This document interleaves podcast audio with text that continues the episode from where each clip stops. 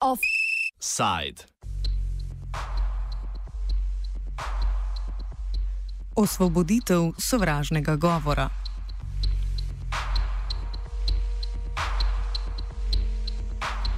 Državno toživstvo je opustilo obtožnico zoper generalnega tajnika Slovenske škofovske konference Tadeja Strehovca in Zavod za kulturo življenja, zaradi česar je Ljubljansko sodišče izdalo zavrnilno sodbo. Obtožnico o javnem spodbujanju sovraštva, nasilja ali nestrpnosti je toživstvo umaknilo zaradi pomankanja dokazov o avtorstvu članka iz februarja 2016 z naslovom Seznam članov abortivnega lobija, ki nasprotuje pravici do življenja nerojenih punčk in fantkov ki mu toživci očitajo širjenje sovražnega govora. Računalniški izvedenec Miran Ulbin namreč ni mogel ugotoviti, kdo je avtor članka na portalu 24kul.si, katerega lastnik je prav Tadej Strehovec.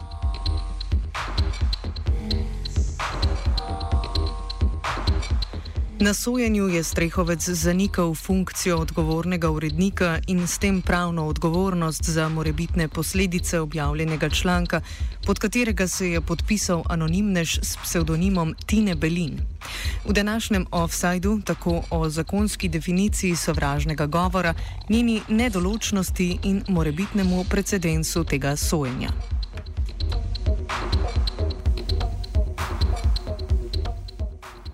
Članek seznam članov abortivnega lobija, ki nasprotuje pravici do življenja nerojenih punčk in fantkov, našteje vse posameznike in organizacije, ki so podpisali peticijo za zaščito ustavnih pravic žensk.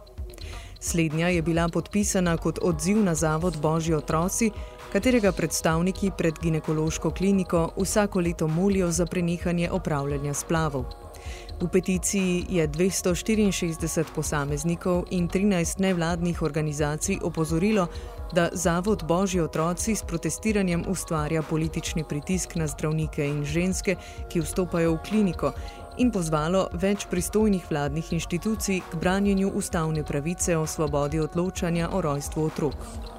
Članek na 24kul.si naštete podpisnike označi za finančno privilegirani abortivni lobby jim v obtoževanju očita širjenje nestrpnosti do nerojenih deklic in dečkov in jim naprti krivdo za končanje življenja 350 tisočih nerojenih žensk in izumiranje slovenskega naroda in kulture.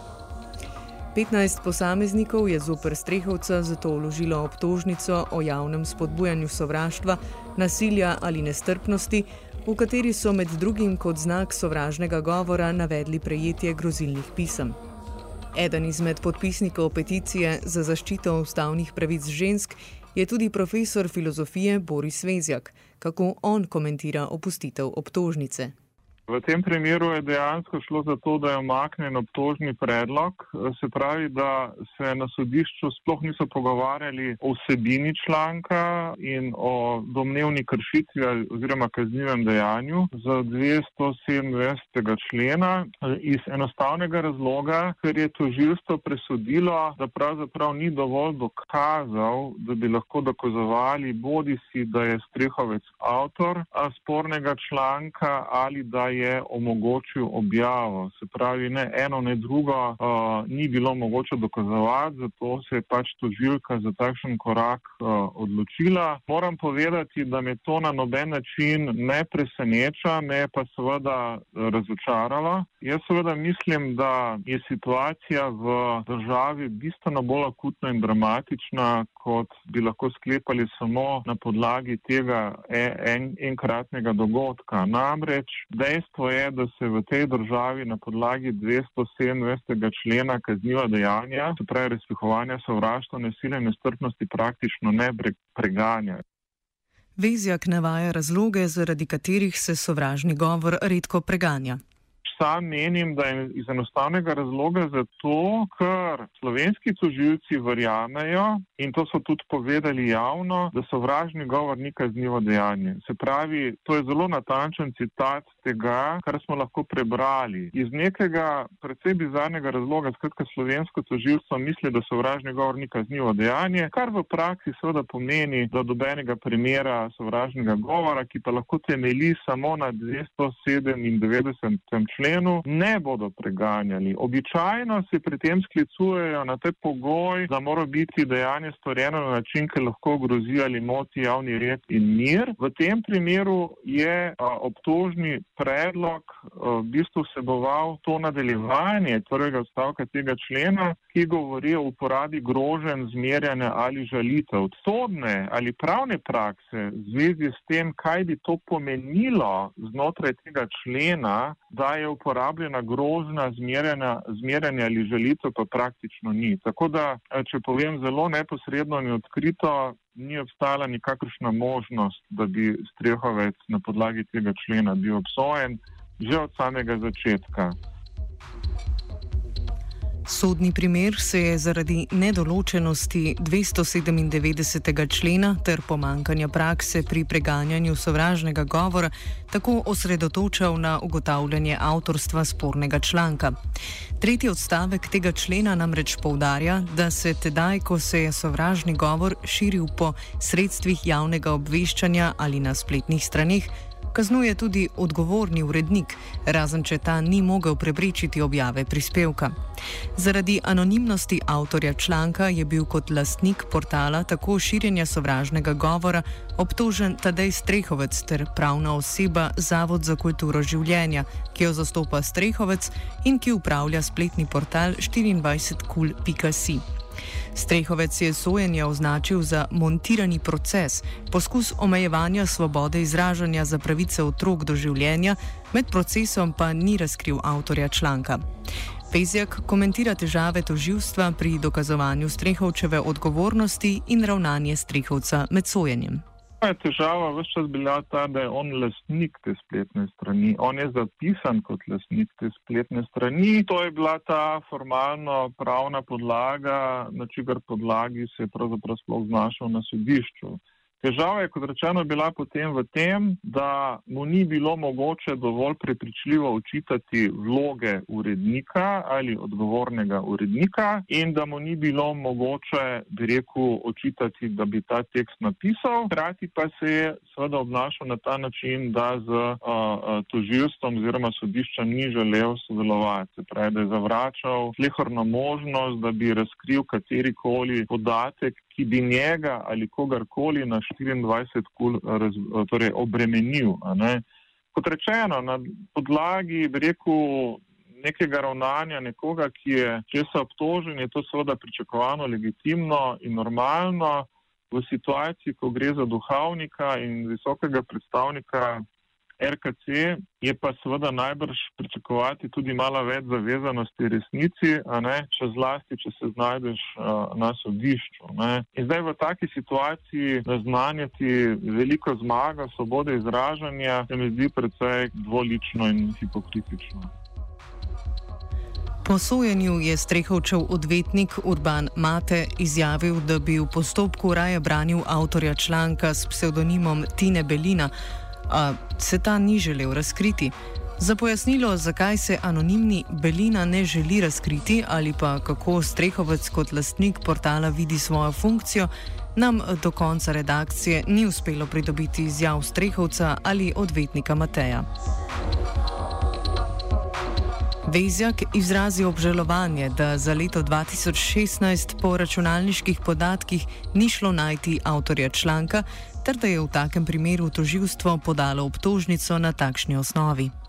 A, kar je razočaralo v tem primeru, je, da seveda stvar nenadoma s pomočjo računalniškega izvedenca ni prišla niti tako daleč, da bi lahko govorili o tem, ali je Strehovec kot odgovorni urednik a, pri tem sodeloval, niti do tega, da bi se razkrilo, kdo je avtor tega spornega članka. Se pravi, prišli smo tako daleč, da je celo za leto 2016, se pravi za približno tri leta nazaj, to ne mogoče ugotavljati. Ne?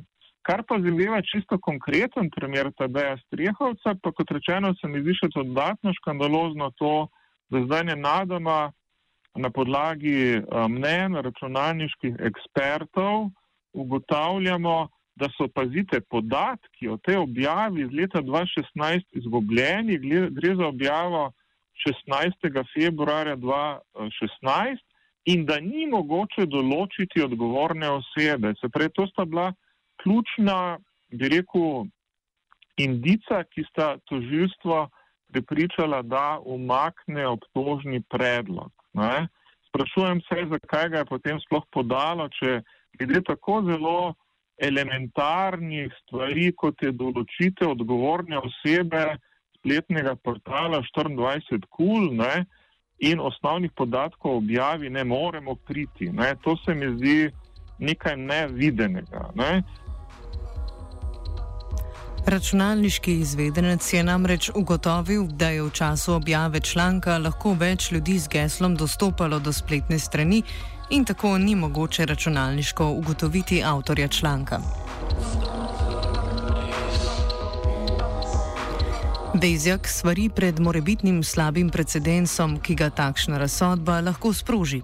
Ja, to je pravzaprav zmaga za svobodo izražanja nekoga, ki razume to svobodo kot svobodo skrivaštva, se pravi zanikanja avtorjev člankov, ne, kot razume to svobodo kot svobodo uporabe pseudonimov in izigravanja sodišč. Da če bo nekdo eh, danes napisal nekaj izrazito sovražnega in kar bi moralo šteti za kaznivo dejanje, da bo v sodnem postopku na koncu oproščen, ker mu bo sodeč po tem primeru, ne mogoče dokazati, da je avtor tega zapisa. Ne. Skratka, situacija se mi zdi uh, dramatično slaba, škandalozna.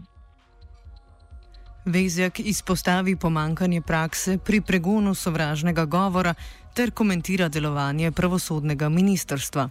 Mislim, da je situacija zelo pereča in kot rečeno ne zadeva samo ta primer. Uh, Uh, jaz mislim celo, da je precej škandalozno, da uh, obstoječe ministrstvo za pravosodje, ki ga vodijo socialni demokrati, Andreja Katič, državna sekretarka Dominika Švarc-Pipan, no, poveduje, da glede sovražnega govora, ker o tem se pogovarjamo, ne bo spreminjala zakonodaje, ker je ta, bi rekel, popolnoma spremljiva in prava. Se pravi, ne bo spreminjalo tega člena. Jaz sem prepričan, da je treba nujno in neizbežno ta člen spremeniti. Žal sem v tem prepričanju zelo osamljen. Ne. Moj argument je zelo nastaven. Če smo v primeru sovražnega govora do beguncev in drugih primerih zadnje leta ugotavljali, da se praktično tega ne preganja, zato ker se nenehno zahteva izpolnjen pogoj ogrožanja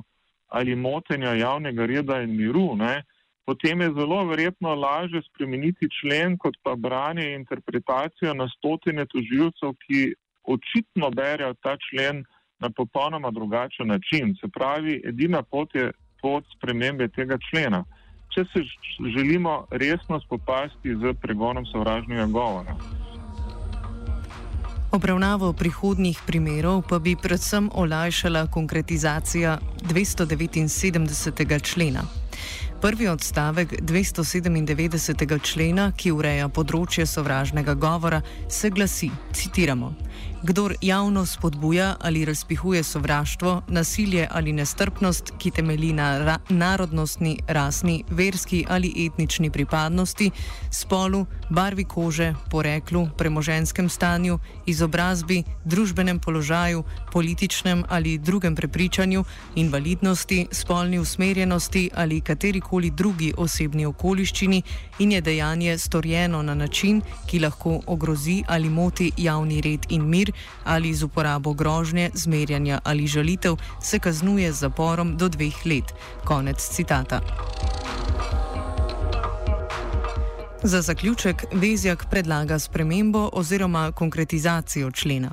Moje stališče je zelo enostavno, da ta pogoj v odvisnem stavku uh, se pravi o tem, da mora neko dejanje sovražnega govora vsebovati element, element ogrožanja ali motne javnega reda ali miru, ne sme biti postavljen kot pogoj. Ne? A če je postavljen kot pogoj, potem izpade iz definicije sovražnega govora najbrž 99,9% vseh primerov sovražnega govora. Ne?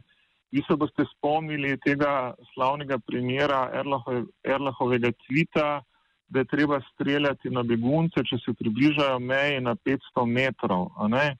In takrat je to živstvo odločilo, da ga ne bo preganjalo, ker ta pogoj ni bil izpolnjen. In v svoji razlagi so napisali, da samo v primeru, če bi Erlah vplival na nedoločeno število ljudi, ki bi mu sledilo na meji, tako rekoč z nabitimi puškami in bi že bil na tem, da bi streljal na njih, bi ta pogoj dejansko bil izpol, izpolnjen. Ne?